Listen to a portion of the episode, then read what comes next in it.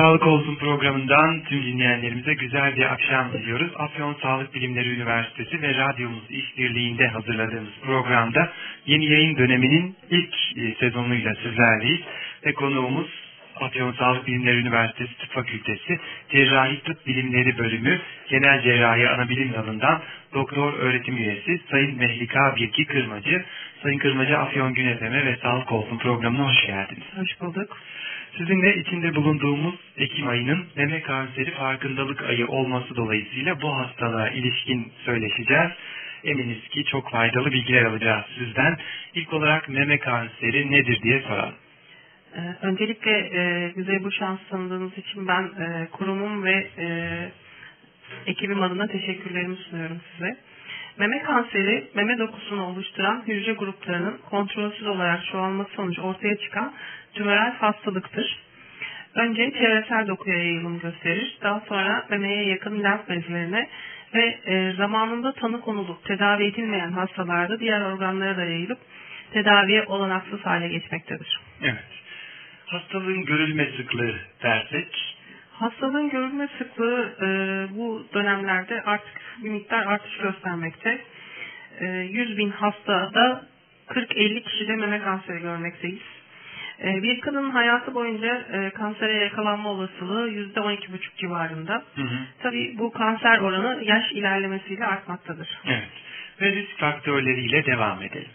E, meme kanserinde risk faktörlerinde ilk başta gelen olay e, kadın olmak. Kadın olmaktan kaynaklı hormonal bir kanser durumudur. Tabii ki e, sigara ve alkol kullanımı, düzenli spor ve egzersiz olmayan sedanter bir hayat yaşanması, emzirme çok koruyucu. Yani ilk 6 ay boyunca mutlaka e, bayan hastalarımızın emzirmesi çok önemli bizim açımızdan.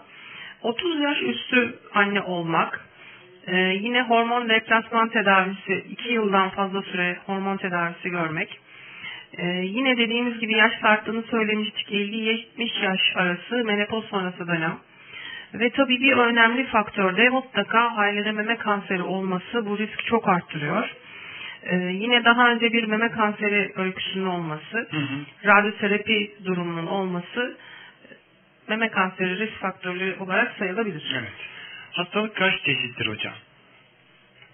Hastalığımız iki çeşit. Önce non-invazif ve invazif dediğimiz. Ee, non-invazif grupta yayılım göstermeyen ve invazif dediğimiz yayılım gösteren şeklinde diyebiliriz. Ee, bunlardan duktal karsinoma institü dediğimiz en fazla görülen tip. Hı hı. Bir de e, lobüler karsinoma enstitüsü var. Bunlar patolojik evrelerimiz. Evet.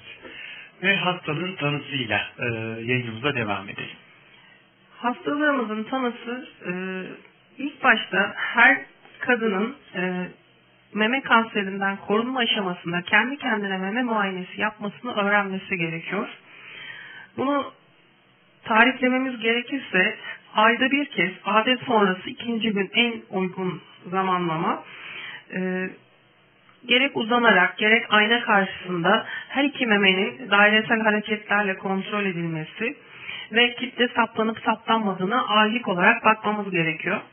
Şayet e, elimize bir kitle gelecek olursa da mutlaka bir e, genel cerrahi polikliniğine başvurmasını öneriyoruz hastalarımıza. Evet, kadınlar için bu muayene son Kesinlikle derece önemli. önemli. Herkesin e, mutlaka öğrenmesi gerekir. Ve e, hastalıkta erken tanı sanırız son derece önemli. E, bu konuya ilişkin neler söylersiniz? Yani erken tanı çok çok çok önemli.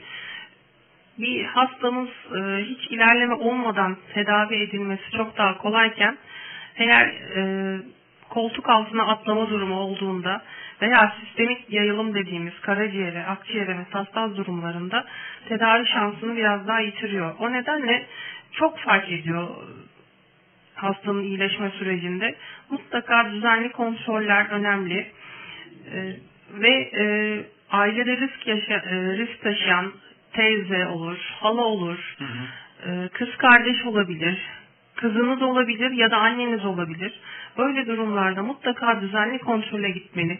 Hatta BRCA1 geni açısından hastamız kendini kontrol ettirmeli. Bunun medyatik bir örneği var biliyorsunuz Angelina Jolie Evet. bu şekilde annesinde olduğu için. iki memesini de aldırdı. Çünkü bu tip gen e, faktörü olan hastalarımızın gidişatı daha kötü seyretmekte. Böyle bir risk faktörü olduğu zamanlarda biz direkt cerrahi olarak her iki memeyi de almak durumunda kalabiliyoruz. Evet. Geçelim hastalığın tedavisine. Hastalığın tedavisi e, mutlaka multidisipliner bir yaklaşım gerektirmekte. E, polikliniğimize başvuran, e, memede kitle saptanan hastamızda önce bir ultrasonla ve e, mamografi ile bir tanı koyduktan sonra biyopsi aşaması geliyor. Biyopsi aşamasında da trukatta ya da eksizyonel biyopsi şeklinde iki çeşit bir biyopsi alma durumumuz var. E, biyopsi alırken trukat iğnesi biraz lokal anesteziyle yapılabilen bir işlem. Eksizyonel biyopsisi de genelde genel anesteziyi uygulayarak yapabiliyoruz. Ve sonrasındaki biyopsi sonucuna göre mutlaka medikal onkolojinin, genel cerrahinin, patolojinin ve hı hı. nükleer tıpın olduğu bir konsey e, grubunda tedavi kararı alıyoruz. Ve sonrasında önce gerekliyse eğer lokal ileri dediğimiz koltuk altından atlama yaptıysa önce neoadjuvan kemoradyoterapi dediğimiz bir ev, e, tedavi görüyor hastalarımız. Ondan sonrasında da cerrahi tedavi yapabiliyoruz. Ya da e, daha erken safhada saptadığımız hastalarda cerrahi tedavi sonrası takipleri de alabiliyoruz hastayı. Evet. Ve e, hastanın herhalde takibi son derece önemli. E, kimlik açısından ve hastanın sağlığı açısından neler söylersiniz?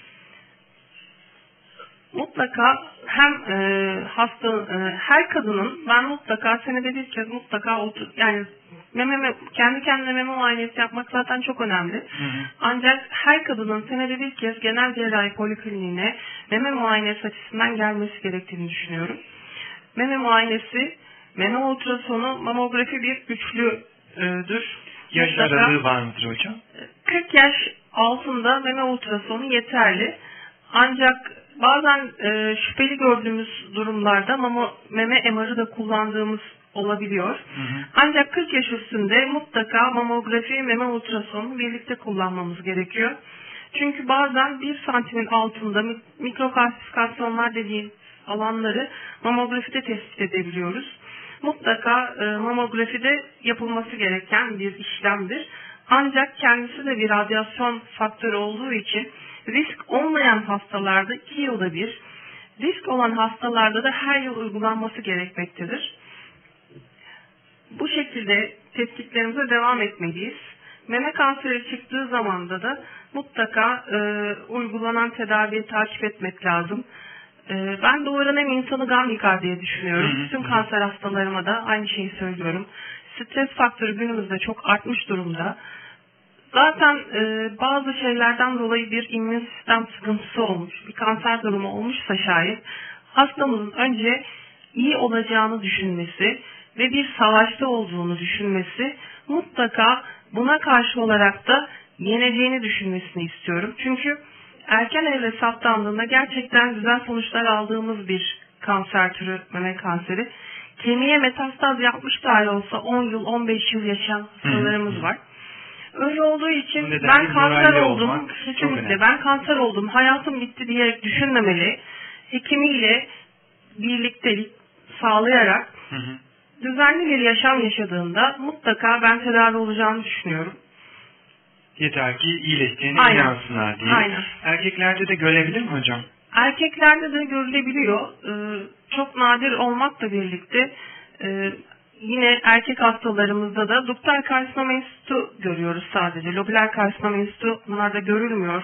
E, lobül dok dokusu olmadığı için. Hı hı. Yine erkek hastalarımızda da ele gelen kitleler gördüğümüzde onlar için de cerrahi tedavi, yeri geldiğinde neoadjuvan kemoradyoterapi yaptığımız durumlar olabiliyor. Erkeklerde biraz daha meme kanseri az ama daha tehlikeli olabiliyorlar. Bunun için e, kitle fark eden erkeklerin de e, acilen kesinlikle, kesinlikle gelmeleri lazım, lazım kesinlikle. diyelim. Bizim sormadığımız, sizin son olarak ilave etmek istediğiniz hususlar varsa meme kanserine ilişkin onları alıp dinleyicilerimize veda edelim. Burada e, belirttiğimiz noktalardan bir e, hormon tedavisi diyerek basitçe geçtik ama tüp bebek tedavisi de bir hormon tedavisidir tüp bebek tedavisi görmüş hastalarımız da risk taşımaktadırlar. Hı hı. bu risk taşıdıkları için de lütfen düzenli bir şekilde meme kontrolü yaptırmalarını istiyorum. Onlar çok daha dikkat etsin diye. Kesinlikle. Çok teşekkür ediyoruz hocam Rica katıldığınız ederim. için. Ben teşekkür ederim. Umarız ki bu programda e, meme kanserine e, farkındalık oluşturur diyelim. Ağzınıza sağlık. Ben teşekkür ederim. Sevgili dinleyenler Sağlık Olsun programına burada veda ediyoruz. Haftaya farklı bir konu ve konuklar yine birlikte olabilmek ümidiyle hoşçakalın.